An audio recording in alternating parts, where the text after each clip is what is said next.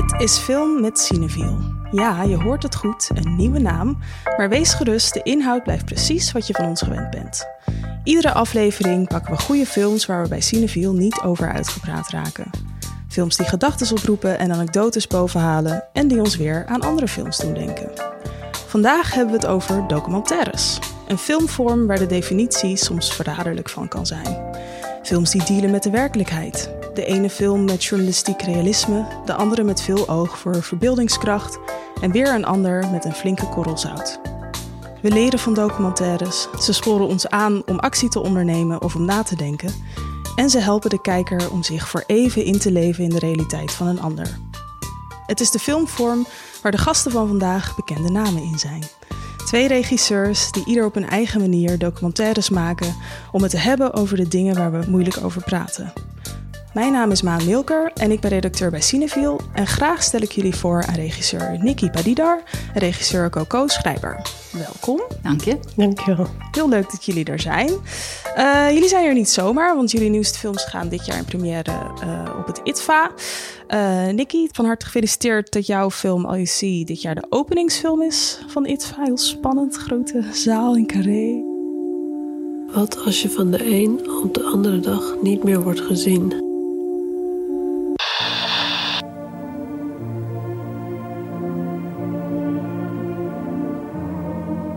Maar wel wordt bekeken.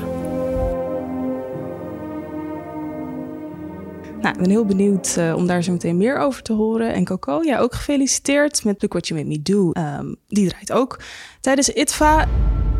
Toen heb ik een wapen genomen. En toen heb ik uh, de trekker overgehaald tot een aantal keer. Ho preso una corda e gliel'ho messa intorno En uh, nou, ik zei het net al, jullie lopen inmiddels al een tijdje rond in het documentaire wereldje. Coco, jij wat langer dan Nicky. Ja, dus ik dacht, jullie zijn de uitgelezen gasten om eens goed in deze filmvorm mee te duiken. Want hoe benoemen jullie documentaire zelf altijd als genre of filmvorm of gewoon documentaire? Ik zeg meestal gewoon film omdat zodra je het woord documentaire uitspreekt, uh, de helft uh, uh, wegloopt. Dat heeft iets stoffigs blijkbaar. Maar ik vind documentaire fantastisch. Um, maar ja, het valt me op dat ik het altijd als film benoem. Omdat een documentaire geen vaste vorm heeft. Althans, niet in mijn beleving. Dus, nee. En het is gewoon cinema. Daar valt het onder. Duidelijk, duidelijk. En Niki, misschien voor jou de openingsvraag die ik in gedachten had. Um, kun je het moment eens beschrijven in je leven dat je dacht: wat ik nu meemaak of wat ik nu voor me zie, daar moet ik een film over maken? Eigenlijk niet. Het is bij mij meer dat ik een hoofdpersoon tegenkom die ik zo interessant vind. Eh, dat ik denk: over jou moet ik een film maken. En dus meestal begint het zo. En uiteindelijk, als ik diegene leer kennen, dan valt hij of zij altijd in het thema wat ik zelf ook interessant vind. Mm -hmm. Maar in eerste instantie intuïtief een beetje geïnteresseerd in iemand raken en of geobsedeerd en daar iets mee willen doen. Zo begint het vaak. Ja, en, en om daarop in te haken, kan je misschien de luisteraar vertellen uh, ja, waar je nieuwste film dan over gaat? Al je ziet gaat over hoe het is om nieuw te zijn ergens en hoe je dan bekeken wordt. En wat die blik van anderen met je doet, eigenlijk in het kort. Mm -hmm. en, en meer specifiek, uh, nieuw ergens zijn, heb je het dan... Uh ja, zeg maar, hoe, waar heb je het dan over?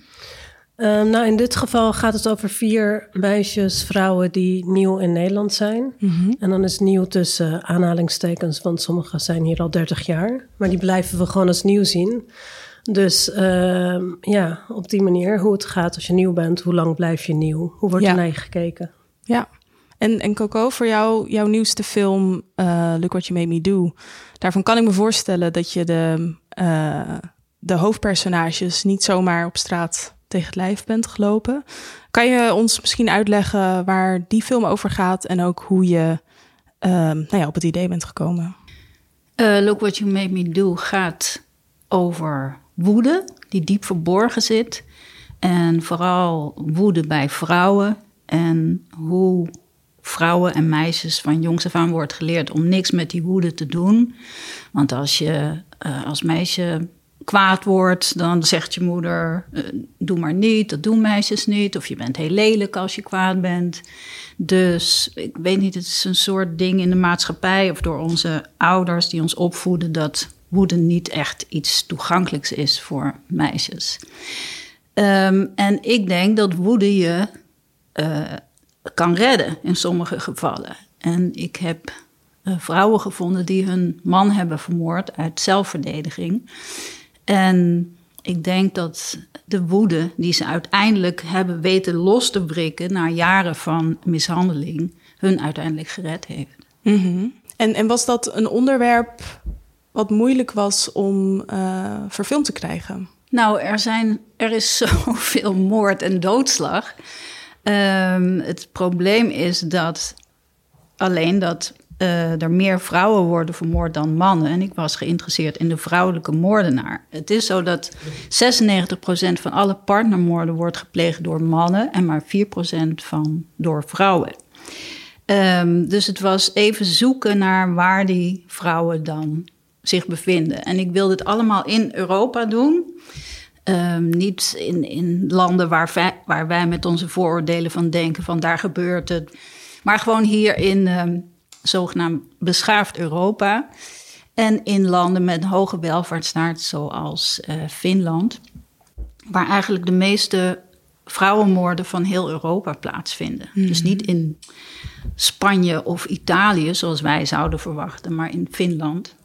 En ik heb dus vrouwen gezocht in Finland, Italië en in Nederland. Ja, en, en merkte je ook dat uh, als je je filmplan uh, eigenlijk aan de man probeerde te brengen bij het filmfonds, of waar dan ook, of aan de vrouw inderdaad. Ja. Ehm, ja, dat, dat mensen huiverig waren of dachten van... oh, is dat, is dat wel een, een onderwerp wat je vanuit die hoek zo kan aanvliegen? Of- Ik denk dat, dat moord, dat blijft altijd een fascinerend onderwerp. Want het, eh, in eh, zoveel films, speelfilms, documentaires gaan over moord.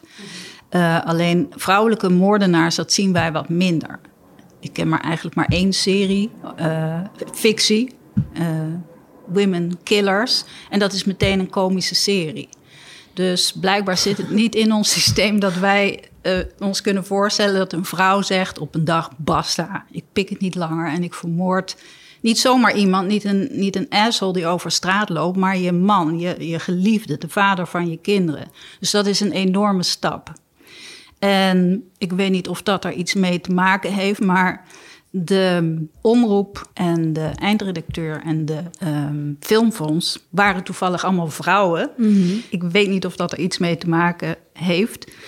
Maar um, voor hun was het meteen gesneden koek. Die begrepen dat meteen ja. over die woede. Dus die gingen er meteen mee in zee. Ja. ja. En dat is misschien wel een mooi bruggetje naar jou, Nicky. Want um, nou ja, het, het wraakverhaal, zeg maar, vanuit de vrouw gedacht, dat werd bij Coco goed begrepen door, zeg maar, even omroepen, filmfonds, et cetera. Ja, maar, het is ja. niet alleen maar wraak, hè? Het nee, is ook echt, woede. Uh, het is woede, uh, maar niet impulsieve woede, want vrouwen doden doorgaans naar kalm beraad. Ze doden mm -hmm. wel overwogen. Het is niet zomaar een hysterische uh, uitspatting. Goed doordacht. Ja, en, goed ja. doordacht. Zelfs dat doden doen we goed, goed en wel doordacht. Nou, vrouwen hebben een lange termijn uh, vermogen. Hè? Dat werkt echt anders dan bij mannen. Daar is onderzoek naar gedaan. En een vrouw denkt na, uh, wat gebeurt er als ik dit doe? Wat zijn de gevolgen? Uh, hoe ziet dat eruit? Hoe lang ga ik naar de gevangenis? Dus dat, je, je zou haar daar, uh, de vrouw daarvoor echt credit kunnen geven dat ze zo goed, zorgvuldig te werk gaat. Maar in ons rechtssysteem wordt voorbedachte raden, wel overwogen, uh, natuurlijk zwaarder bestraft. Mm -hmm. Dus een vrouw wordt zwaarder bestraft dan een man die moordt. En, en even voor mijn begrip van de vrouwen uit, de, uit je film, zijn die ook veroordeeld?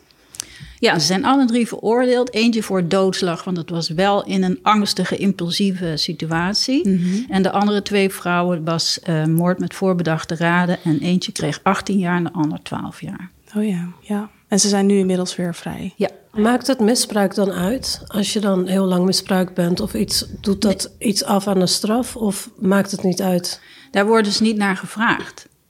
Dat, dat, dat zegt ook één vrouw, de Italiaanse Rosalba in de film.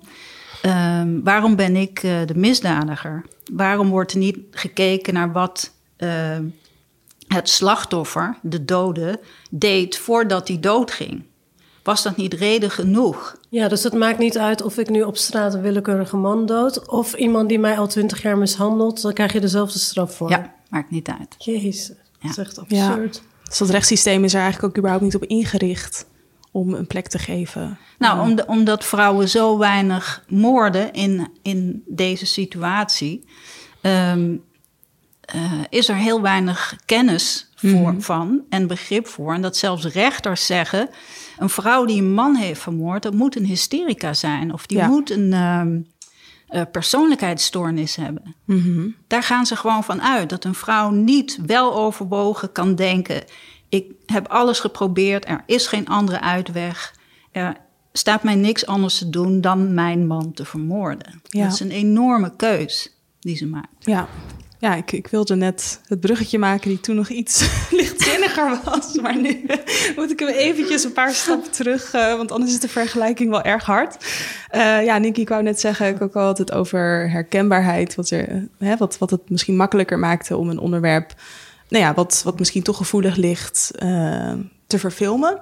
Bij jou gaat het over mensen die nieuw zijn in een, in een context, in een sociale context.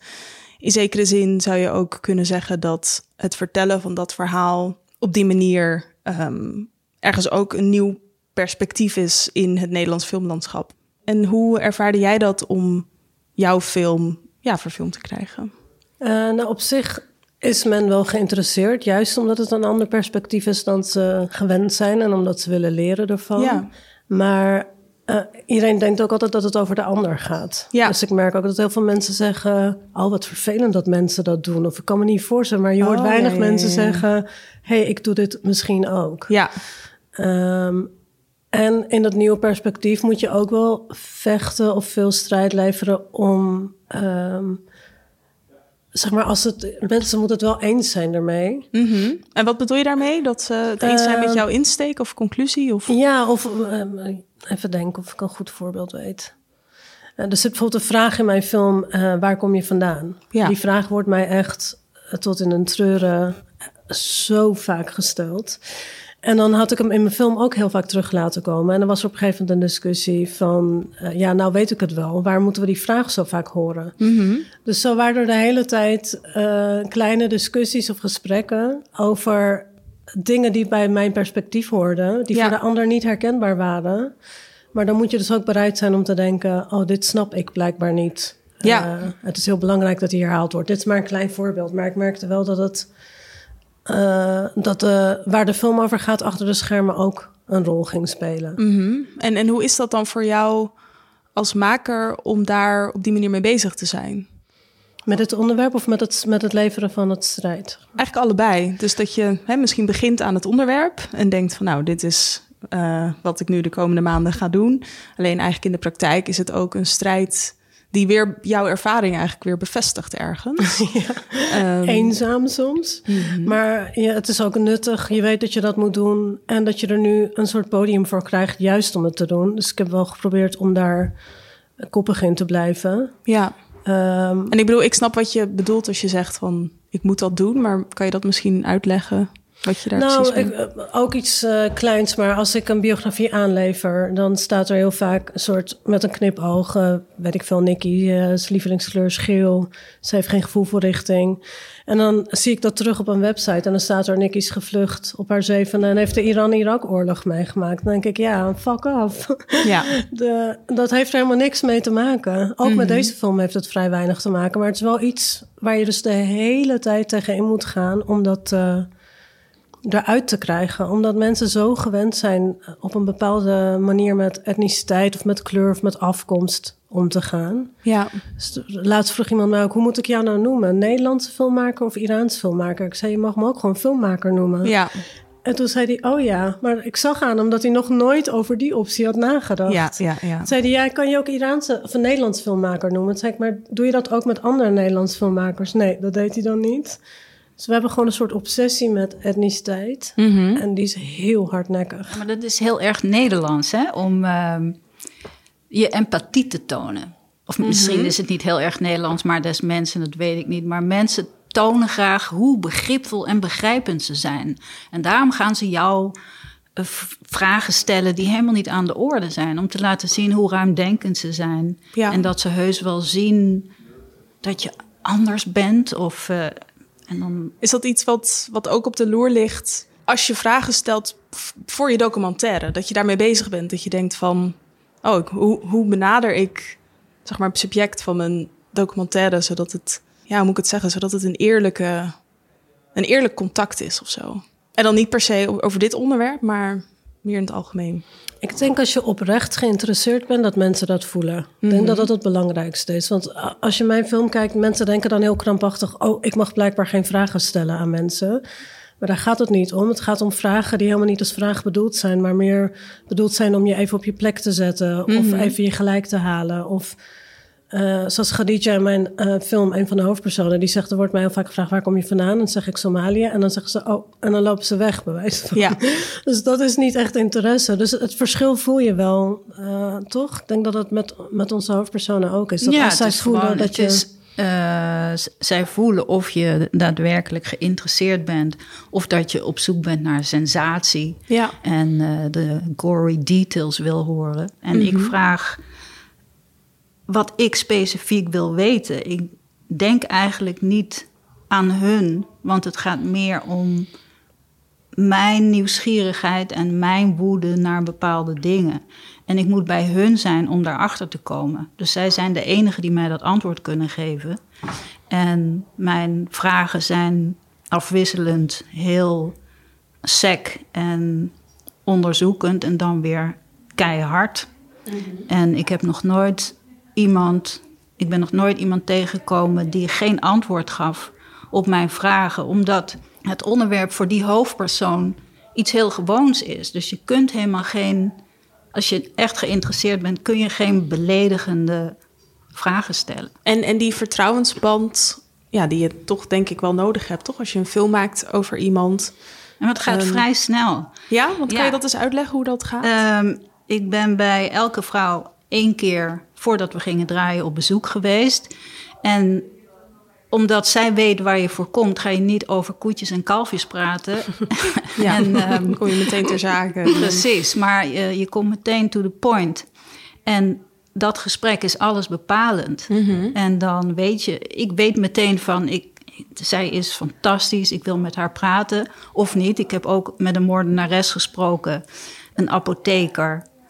En ik vond haar zo onsympathiek. En na afloop moest ik zo lachen. Ik dacht ook, blijkbaar heb je ook onsympathieke moordenaressen. en dacht ik, is dat interessant voor de film of niet? Ja, En toen dacht ik, nou, ik moet iets voelen voor die vrouw, want het is echt een, een heftig onderwerp. Ik wil dat je haar mo- motivatie begrijpt waarom ze het heeft gedaan. ja. Dus ehm, er zit wel één hoofdpersoon in een jong meisje van 19, waarvan ik me kan voorstellen dat je haar een tikje onsympathiek vindt.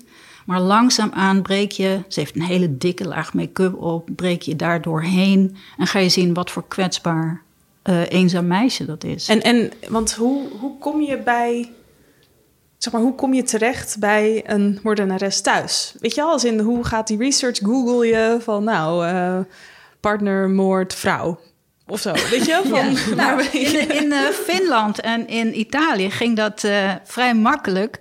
Ik had bijvoorbeeld in Italië de keuze uit eh, 24 moordenaressen. Ehm, een vrouw die op haar 83ste haar man eh, om het leven had gebracht met 46 messteken. Daarna het hele huis had schoongemaakt, want dat is echt een ding in Italië. Je- schone huis is het allerbelangrijkst. En pas daarna belden ze de politie. Nou, eh, helaas wilde zij niet meedoen. Ik heb ook een vrouw gesproken, die was eh, de baas van een platenlabel en die had haar man vermoord. Maar ik bedoel, hoe was je met hun, zeg maar, aanvankelijk in contact gekomen? Ehm, nou, in elk land heb je een fixer die Ja. voor jou gaat zoeken in, de, in die taal, want ik kan wel gaan googlen. Ja. Maar ja, ik spreek geen Fins, dus ik kan dat niet lezen. En die komen dan met ehm, een lijstje eh, vrouwen. Dan kan je eigenlijk casten wie het interessant vindt. In Finland was een vrouw die eh, windhonden fokt. Een hele knappe, mooie vrouw die haar man had vermoord met drie koekenpannen. Dus dat voldeed zo aan het ehm karikaturale beeld dat wij van, of wij, mannen, weet ik niet, eh, van zo'n vrouw hebben. Maar zij wilde helaas niet meedoen. En het moeilijkst was om een moordenares in Nederland te vinden. Want wij denken altijd van onszelf dat we zo ruimdenkend eh, land zijn. Maar ehm, het was onvindbaar. Onvindbaar. Omdat ze niet mee wilden doen? Of... Ik, ik weet niet, hier hangt een soort schaamte, denk ik. In Italië was, was het heel anders. Daar, daar heb je het gedaan en dan kom je ervoor uit en dan laat je je zien. En in Finland, het is een hele open maatschappij. Dat was ook eh, geen probleem. Maar hier in Nederland is het toch echt een land van façades. En we hebben één iemand gevonden. En, en wat je net vertelde, dat je ook op zoek bent naar mensen die via wie je eigenlijk ook jouw eigen verhaal kwijt kan. Hè? Dat hoeft niet er heel erg bovenop te liggen voor de kijker misschien, maar wel voor jou zelf als maker. Die woede die je voelt en hoe je bent opgevoed om daar, eh, nou ja, dat dat iets slechts is als, als meisje. En is dat nog iets wat, eh, wat tijdens zo'n gesprek voor de, degene die je op camera wil vastleggen als verrassing komt? Dat jij daar ook komt met een persoonlijk verhaal, om zo te zeggen. Nee, dat is onderdeel van de kennismaking met zo iemand. Dat ze meteen voelt en dat je dat ook uitlegt wat jou beweegt. Ja, Dat, je, dat het je dwars zit dat eh, vrouwen hun woede onderdrukken. Dat er een bepaald beeld is van vrouwen ehm, waar je niet aan wil voldoen of wat je wil doorbreken. ja. En daardoor voelt de hoofdpersoon zich gezien en gekend.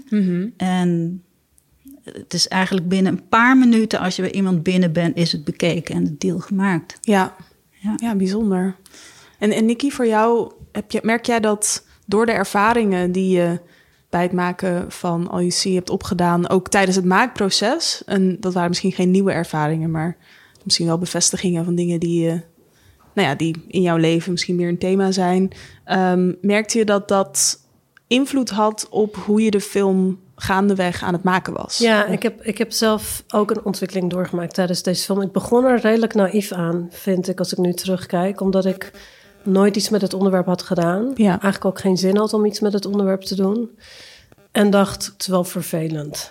En toen ik er eenmaal indook en erin zat, pas erachter kwam dat ik er eigenlijk eh, dat het een veel groter rol in mijn leven speelt dan ik altijd dacht of wilde toegeven, zeg maar. Ja, En je komt ook gewoon nieuwe dingen te weten erover. Bijvoorbeeld eh, hoe erg mensen de neiging hebben om dit weg te wuiven of te relativeren of te ontkennen. Ja, Daar ben ik nu heel erg geïnteresseerd in. Van waarom, misschien heeft dat ook met dat zelfbeeld te maken waar we het eerder over hadden. Maar waarom is het zo belangrijk voor iedereen om te zeggen: ja, maar bedoelde ze het niet goed? Dat krijg ik dus altijd. Of. eh, oh ja, die bewaker liep achter je aan, maar was dat niet omdat hij dacht dat je hulp nodig had? Of het is gewoon constant wordt het Ja. gerelativeerd en ontkend. Nou ja, het zijn gewoon allemaal aspecten aan het hele verhaal die je, eh, waar je wat bewuster van wordt, zeg maar. En die heb je dan dus ook als gevolg daarvan misschien meer in je film naar voren laten ja. komen? Ik heb me sowieso veel meer uitgesproken in mijn film dan ik in eerste instantie wilde of dacht te gaan doen. Ja, en dan echt zeg maar op eigen titel of via de mensen die je filmt. Ehm, nee, allebei. Eh, zo, zo, zowel eh, wat zij zeggen, een stuk deels, ook, wat, ook mijn verhaal, zeg maar. Maar ik heb bijvoorbeeld ook, mij ook laten interviewen door een van de hoofdpersonen.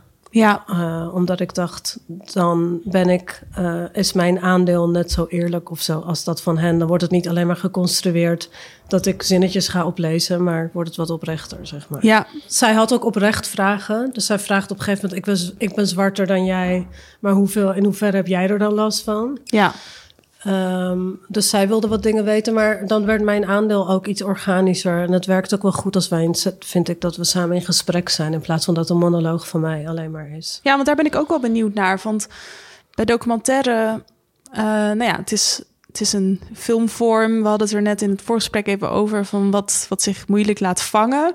Eigenlijk, het, ja, het is geen genre. Ik bedoel, je kan een soort thriller documentaire hebben. Je kan een romantische documentaire hebben. Eh, alle fictiegenres kunnen er ook op van toepassing zijn. Alleen, je hebt toch ergens wel de belofte dat het nou ja, dealt met de werkelijkheid uh, op een manier zoals het je toekomt. Uh, en hoe je dat dan vervolgens omzet in beeldtaal, dat, nou ja, daar zitten vaak ook best wel wat fictie-elementen in. En dat is ook best wel on onontkoombaar, denk ik. En hoe denk je daar als maker over na? Van hoe jij zeg maar, de werkelijkheid die voor jou uh, zo klaar is als een klontje, om zo te zeggen, om die neer te zetten voor een publiek? En in hoeverre hou je daar dus rekening mee met hè, dat je nu gaat je film in première op ITVA en heeft dat invloed op je, op je makerschap in die zin? Ja. Nou, wat ik bijvoorbeeld met de interviews heb gedaan, um, is dat ik de gesprekken die je ziet, heb ik op dat moment voor het eerst met de hoofdpersonen. Mm -hmm. En dat vind ik heel fijn. Ik weet van tevoren heel, ja, wel iets van ze natuurlijk. En ook of het er een klik is, of ik ze leuk of interessant vind. Maar ik heb het gesprek bewaard voor op camera, zodat het ook oprecht zou zijn. Ja. En wat er gebeurt, dus heel vaak zegt Khadija iets of Sofia of Hanna, waar ik dan heel erg verbaasd over ben. Dat is dan ook echt wat er op dat moment gebeurt en wat ik op dat moment te weten kom. Ja. En ik geloof wel dat dat misschien een beetje bijdraagt aan dat je voelt dat het echt is, zeg maar. Ja. En ik probeer er juist helemaal niet mee bezig te zijn waar die komt. Of je op tv komt of uh, in de bioscoop of wat dan ook. Je wil eigenlijk gewoon zo goed mogelijke film maken. En Ja. dat iedereen goed tot zijn recht komt. Mhm. En dan daarna zie je wel waar die terecht komt en hoe dat gaat vallen. Ja. En Coco, is dat voor jou? Uh, ik denk aan helemaal niemand, behalve mezelf, als ik een film ga maken. ik vind mezelf het allerbelangrijkste. Maar um, kijk, ik ga een film maken uit een noodzaak, omdat ik omdat me iets dwars zit of omdat ik me ergens over verbaas. In dit Ja. geval was het mijn eigen woede, waarvan ik dacht dat die toch echt wel helemaal verdwenen was. Het bleek niet zo. Um, dus daarom maak ik die film. En ik zoek dan filmische elementen om die woede te visualiseren. Uh, daar geef ik mezelf heel veel ruimte in. Alleen alles wat je in de film ziet, wat de hoofdpersonages doen en zeggen, dat is allemaal echt. Ja. Ik, ga, ik zal nooit vragen, kun je dat nog eens doen? Of kun je dat uh, op een andere manier zeggen? Um, Zijn er wel documentairemakers die dat doen? Helaas wel, mm -hmm. dat vind ik heel vervelend. Want ook al noem ik mijn documentaire, ik, ik heb het altijd over een film. Je moet ervan uit kunnen gaan als kijker dat in een documentaire wat je ziet echt is. Ja. En natuurlijk zijn er duizend en één vormen en kun je op verschillende manieren anseneren. Dat is allemaal toegestaan als je weet dat het in scène is gezet of dat Ja. het een bepaalde vorm is. Maar als jij mij als filmmaker laat geloven dat het werkelijk zo is gebeurd, dan heb je echt een hele slechte aan mij en dan ben ik pissed off. Dat kan niet, want je verpest mijn vak, Ja. ons vak, documentaire, waar je echt in kunt geloven. Dat verpest je gewoon. Hè? Je maakt het vals. En dat is niet zo. En, en heb je manieren om, als je dat ziet gebeuren, of als je op een andere manier ziet dat mensen eigenlijk eh, ja, lopen te sollen met dat wat jou zo, zo aan het hart is, zeg maar, Ja. documentaire, film. Eh, zijn er manieren om dat kenbaar te maken of om daar iets aan te doen? Of is dat Als gewoon ik een- dat zie gebeuren Ja, in films. ja. Nou, kijk, ik zag het een paar jaar geleden bij een film die vele prijzen heeft gewonnen, ook op de ITVA. Gaan we, gaan we namen noemen? Nee, we gaan geen namen noemen. Maar Show notes, show Eh, notes. kijk, die persoon is verantwoordelijk. Ja. En die spreek ik wel even op zijn gedrag aan. Want dat, ik, ik zie dat het nep is. Ja, Het, ik word gewoon eh, genaaid waar ik bij zit. Het kan Mhm. niet. Ja. Ja, ik spreek die persoon daarop aan. Het spelen met de waarheid of suggestie of dat soort dingen. Van dat Nou ja, is... Het is niet de waarheid, het is de werkelijkheid.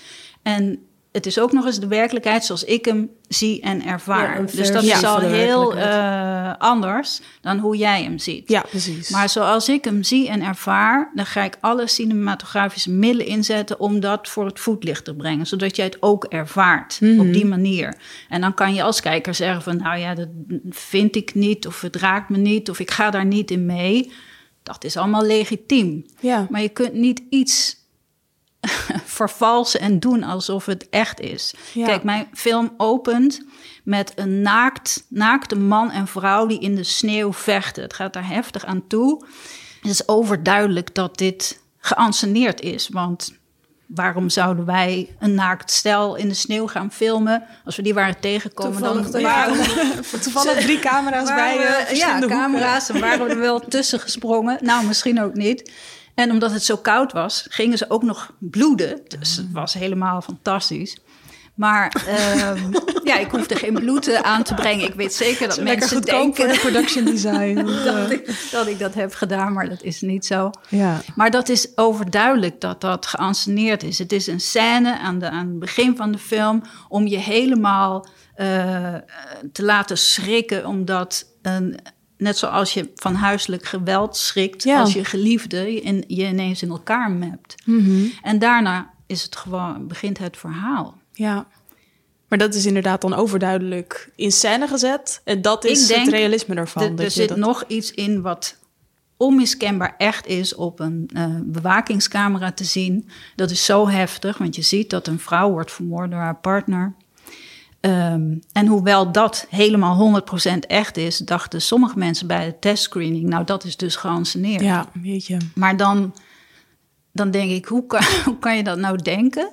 Maar tegelijkertijd snap ik het een beetje, want het is zo heftig om te zien dat misschien je hersens dichtgaan en, en Ja. er fictie van maken, Ja. omdat het onverdraaglijk is. Ja, dat is sowieso het thema met partnergeweld ook, toch? Dat het zo alomtegenwoordig is, helaas. Maar dat zo weinig... Ja, dat het zo moeilijk onder ogen te zien is. Ook al gebeurt het bij wijze van spreken bij je buren, weet je Nou, wel, dat is je, of bij jezelf. Dat- als met jouw onderwerp, dat mensen altijd eh, iets niet willen zien. Ja, Dat, eh, het is echt een eh, automatisme in ons.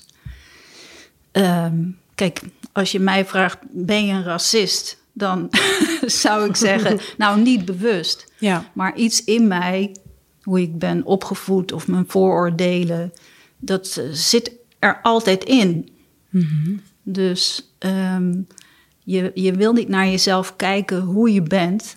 En dus sluit je je ogen voor heel veel dingen. Ja, en die documentaire opent of gooit misschien dus een, een werkelijkheid in. Nou, dat zou het je- allermooiste Dat zijn hoop je. als Ja. een film dat kan doen. Ja. Ja. En, en voor jullie zelf, want nou ja, jullie, je, je had het net over noodzaak. Ehm, jullie komen hè, naar, naar een onderwerp toe met echt heel veel ambitie om dat te verfilmen. En om dat zowel voor jezelf, eh, hè, om iets een plek te geven of in beweging te zetten of ermee bezig te zijn of wat dan ook.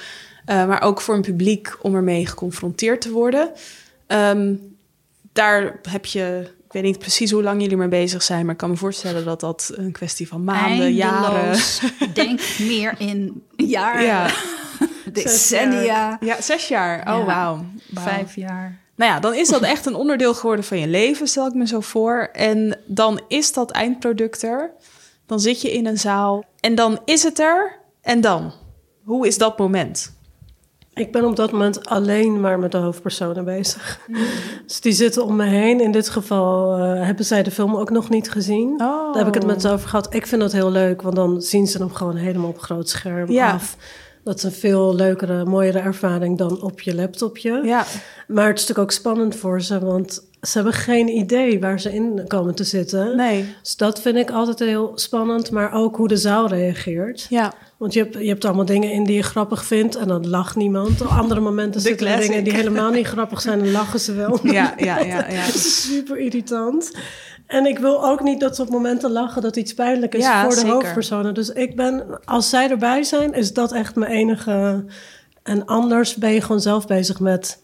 Want ja, voor het eerst ziet een, ziet een publiek iets wat jij in een bubbel hebt gemaakt. Mhm. Dus dan is het wel heel tof om eindelijk reacties te krijgen. Ja, maar wat, wat doet het ook voor jou in dat proces van waar je eerst die noodzaak zo voor voelde? Ja, want als hij door niemand gezien zou worden, zou dat vrij weinig voldoening geven. Want Ja. uiteindelijk maak je hem natuurlijk om te laten zien.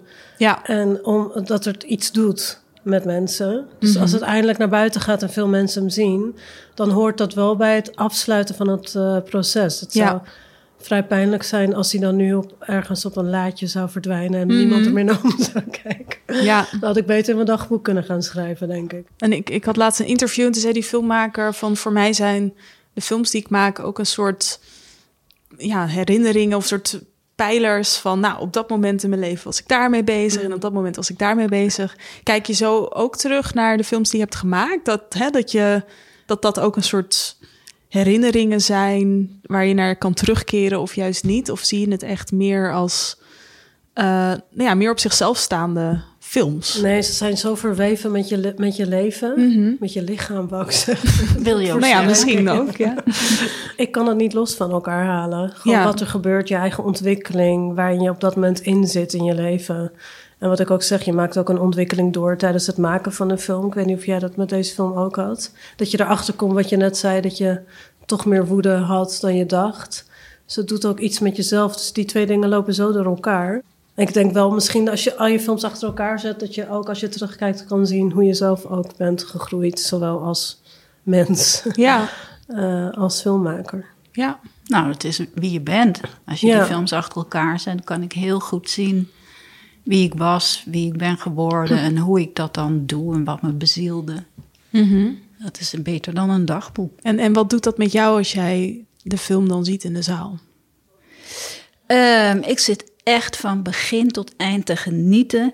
Ik kijk technisch of het allemaal klopt. Ik word helemaal gek als iemand hoest door een bepaalde zin heen. Die wil ik echt slaan. Ehm, Nee, geen haat hoor. Geen haat. jawel, heel veel haat, heel veel haat. Je hebt toch ook bij Q&A's altijd de classic mensen die helemaal geen vragen hebben, maar hun eigen kennis willen Oh, ja. Dus ook- als- daar is ook heel veel haat naar. Ja. En de gruwelijke vraag: waarom heb je deze film gemaakt? Dat je denkt. Ja, die. Heb ik die niet net ook gesteld? Eh, Nee. En een van mijn lievelingsvragen is ook, was dat bewust? hmm, ja. Dus Mijn vorige film Ninok is, gaat over een meisje. Nou ja, het is een meisje dat in een leeg schoolgebouw rondloopt. Ja. En dan werd gevraagd, was dat... Ja, maar Was je moet, kijk, wij zijn filmmakers. Je weet gewoon elke millimeter, weet je hoe een film wordt gemaakt. Toen ik mijn eerste film maakte, toen vroeg mijn moeder. Het was, ging over een taxichauffeur in New York, en eh, in motion. Mhm. En mijn moeder vroeg: Maar was jij daar dan ook? Zeker ja, ik was ook in New York. Ik was niet naar de Albert Heijn boodschappen doen. Dus mensen hebben geen idee wa- wat jij allemaal doet en waarom je na het maken van zo'n film helemaal bent uitgeput. Nee, dat is dat de, de, ergste vraag op zo'n première. En zeggen ze nou mooi hoor, of niet? En dan zeggen ze, en waar gaat je volgende film over? Dat je denkt, Was dit het? ik ga vier maanden slapen, jongens. Ik ben dood. Dood, ja. Nee, maar zo'n stel in de sneeuw bijvoorbeeld. Of zo'n meisje in een leeg schoolgebouw. Dat zijn toch wel dingen die moeilijk toevalligerwijs Ja. tot stand kunnen komen. Maar ik denk toch dat mensen daar, daar dan een beetje in de war zijn door het woord documentaire. Dus dat ze. Ja, dat Ja, maar je- documentaire is een vrije vorm. Ja, maar ik denk dat weinig mensen dat eh, echt voelen, zeg maar. Snap je als in als, als ik gewoon denk aan het verschil tussen fictie en documentaire, dan denk ik dat mensen bij fictie eh, hè, eh, opnamesets voor zich zien met iemand die zo'n bordje klapt voor de opname. En nou, nu begint het, weet je wel. We doen het nog een keer, 15 takes, 20 takes, 30 takes. En ehm, bij documentaire heel erg een soort van die fantasie van, nou, Hè, je hebt of een soort talking heads, eh, of je bent ergens als een Meer soort de klassieke reporter. vorm achter iemand aan Precies, lopen. precies. En, en nou ja, dat is natuurlijk maar... Ja, je hebt mensen die op die manier films maken, maar dat is maar een heel klein het is deel, heel denk ik. grappig hoe die, hoe die twee eh, genres door elkaar lopen, documentaire en fictie. Ja, Want heel vaak lees je eh, wat eh, critici schrijven dat, eh, dat die fictiefilm zo goed gelukt is, want het lijkt wel documentair. Dat je Mm. denkt, oké, wat bedoel je precies met documentair? Hè? Ja. Van de schouder achter iedereen aanhobbelen, dat is dan blijkbaar echt. ja. Maar je kunt ook de werkelijkheid goed vormgegeven of heel strak gestileerd. Ja. Of, nou, er zijn wel zoveel verschillende manieren om die weer te geven, hoe de werkelijkheid eruit ziet. ja. Dus documentaire is niet synoniem met rommelig Nee. en de werkelijkheid betrappen heel spontaan. Nee, Kom om een hoekje. het, yes. eh, als je iemand interviewt, dan is dat gewoon twee uur uitgelicht. Ja. Hè? Er is alles, van alles aan gedaan. Er zit een tolk in de keuken, er zitten twee mensen achter je. Mensen zeggen, ja, ik draai het zelf met een klein cameraatje voor de intimiteit. En denk ik, dat is gewoon amateuristisch. Je kunt met zes man binnenvallen. Als jij een goed contact hebt met je hoofdpersoon, komt het allemaal goed. Ja. Ik vind het heel grappig dat de discussie over wat echt documentaire is en niet pas opleidt als je eerlijk bent over de vorm. Dus als jij, wat jij zegt, hobbelig achter iemand aanloopt en doet in de vorm alsof het echt is Ja. en je iedereen kapot manipuleert, vinden we dat prima. Ja. Maar zodra je er eerlijk over bent, dus een aantal jaar geleden was Stranger in Paradise, openingsfilm van ITVA van Guido Hendricks. En hij was heel eerlijk over de vorm. Je, Ja. je had een groep eh, Dat is heel erg geanceneerd, toch ook? ja, je had een groep eh, asielzoekers, vluchtelingen, hoe je ze ook wil noemen. En eh, met een soort docent. En die sprak ze toe, welkom, bla bla bla. En die was drie actes. En in elk acte had hij een andere toon. Ja. Een ander soort politieke manier van tegen ze praten. Dus daarvan weet je, daar is iets geanceneerd. Of er is deze mensen gevraagd. En toen had iedereen het de hele tijd over... Kan dit wel? Is Mag je ethisch? dit? Precies. Ja. En toen dacht ik, waarom hebben we het met al die andere films niet over of het ethisch verantwoord is? Hij is Ja. eerlijk over de vorm. En binnen iets uh, geanceneerds kan je ook nog heel erg de werkelijkheid vangen natuurlijk. Ja, zeker. Hij Ja. kan een tekst oplezen, maar je kan zien hoe die mensen erop reageren bijvoorbeeld. Ja. Ik, ik vind dat wel heel interessant om op die manier wat meer open over de vorm te zijn. Mhm. Ja, en ik denk ook wel dat het, nou ja, inderdaad wat je dan vertelt, van je laat iemand door een leeg schoolgebouw lopen, van dat is heel erg ook een esthetisch effect wat je daarmee bereikt, wat mensen juist weer heel erg open kan stellen eh, naar een bepaalde ervaring, gewoon dat wij ook zo in elkaar zitten, van nou, als iets in een bepaalde sfeer tot ons komt, weet je wel, dan vat je het ook weer anders op dan wanneer je het... eh, Ja, en je moet ook een beetje geduld hebben. Toen wij bijvoorbeeld in het schoolgebouw waren, eh, kan ik haar zeggen: doe even dit. Ja. Maar dat zie je, vind ik, dat, het- dat het door mij opgelegd is. Of eh, het duurt lang en zij verveelt zich, gaat in een hoekje een boekje zitten lezen en je filmt dat. ja, Of ik zei bijvoorbeeld op een gegeven moment tegen haar: Wat heb je altijd in school willen doen wat niet mocht? Zij ze over de tafel springen. Toen werd dat een scène, omdat zij dat gewoon oprecht wilde en leuk vond om Ja. te doen. Dus dat past veel meer bij haar en dat vangt haar, denk ik, veel meer dan als ik achter haar aangehobbeld was op school. ja, Niet dat daar iets mis mee is, maar gewoon, eh, het wil niet zeggen dat de een echter is dan de ander. En, en wat je net zei over, over je film, dat de hoofdpersonages het nu nog niet hebben gezien. Ja, ergens verbaast me dat wel om dat te horen. In de zin van dat ik heel erg in mijn hoofd heb dat mensen dat graag dan willen zien om, om te controleren of zo. Maar betekent dat dat je zo'n vertrouwensband hebt opgebouwd dat zij ja, jou daarin dus letterlijk gewoon helemaal vertrouwen? Of, of ja, is dat. ehm, is dat iets wat gewoon toevallig bij, bij deze Nee, het gaat twee kanten op, denk ik. En zij moeten jou heel erg vertrouwen. Ja. En je moet zelf denk ik goed geweten hebben. Dus ik Ja. denk als er iets in had gezeten waarvan ik had gedacht... oei, ik weet niet helemaal of ze dit oké vindt... Mhm. dan had ik dat of niet gedaan of het voorgelegd van tevoren. Ja, En nu ben ik ervan overtuigd dat ik ze heb laten zien zoals ze zijn... of eh, in ieder geval op een manier ehm, waarop zij er geen bezwaar tegen zouden kunnen hebben. ja. En, en Coco, is dat iets waar jij actief Ja, afspraken jammer dat je alles al hebt gezegd wat ik had Maar inderdaad, ik laat ook nooit eh, iemand van tevoren de film zien. Ja. Het is echt vertrouwen.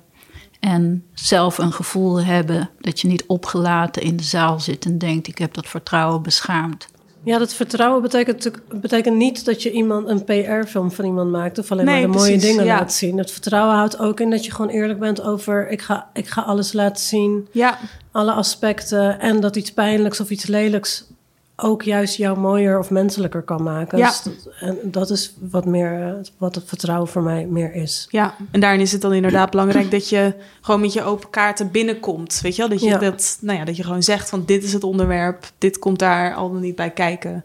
In plaats van dat je zegt ik ga een documentaire maken over paardrijden en dan gaat het ondertussen onder, over moorden. Ja, ja. Weet je wel? Dat het, eh, Dat is een goede tip. ja.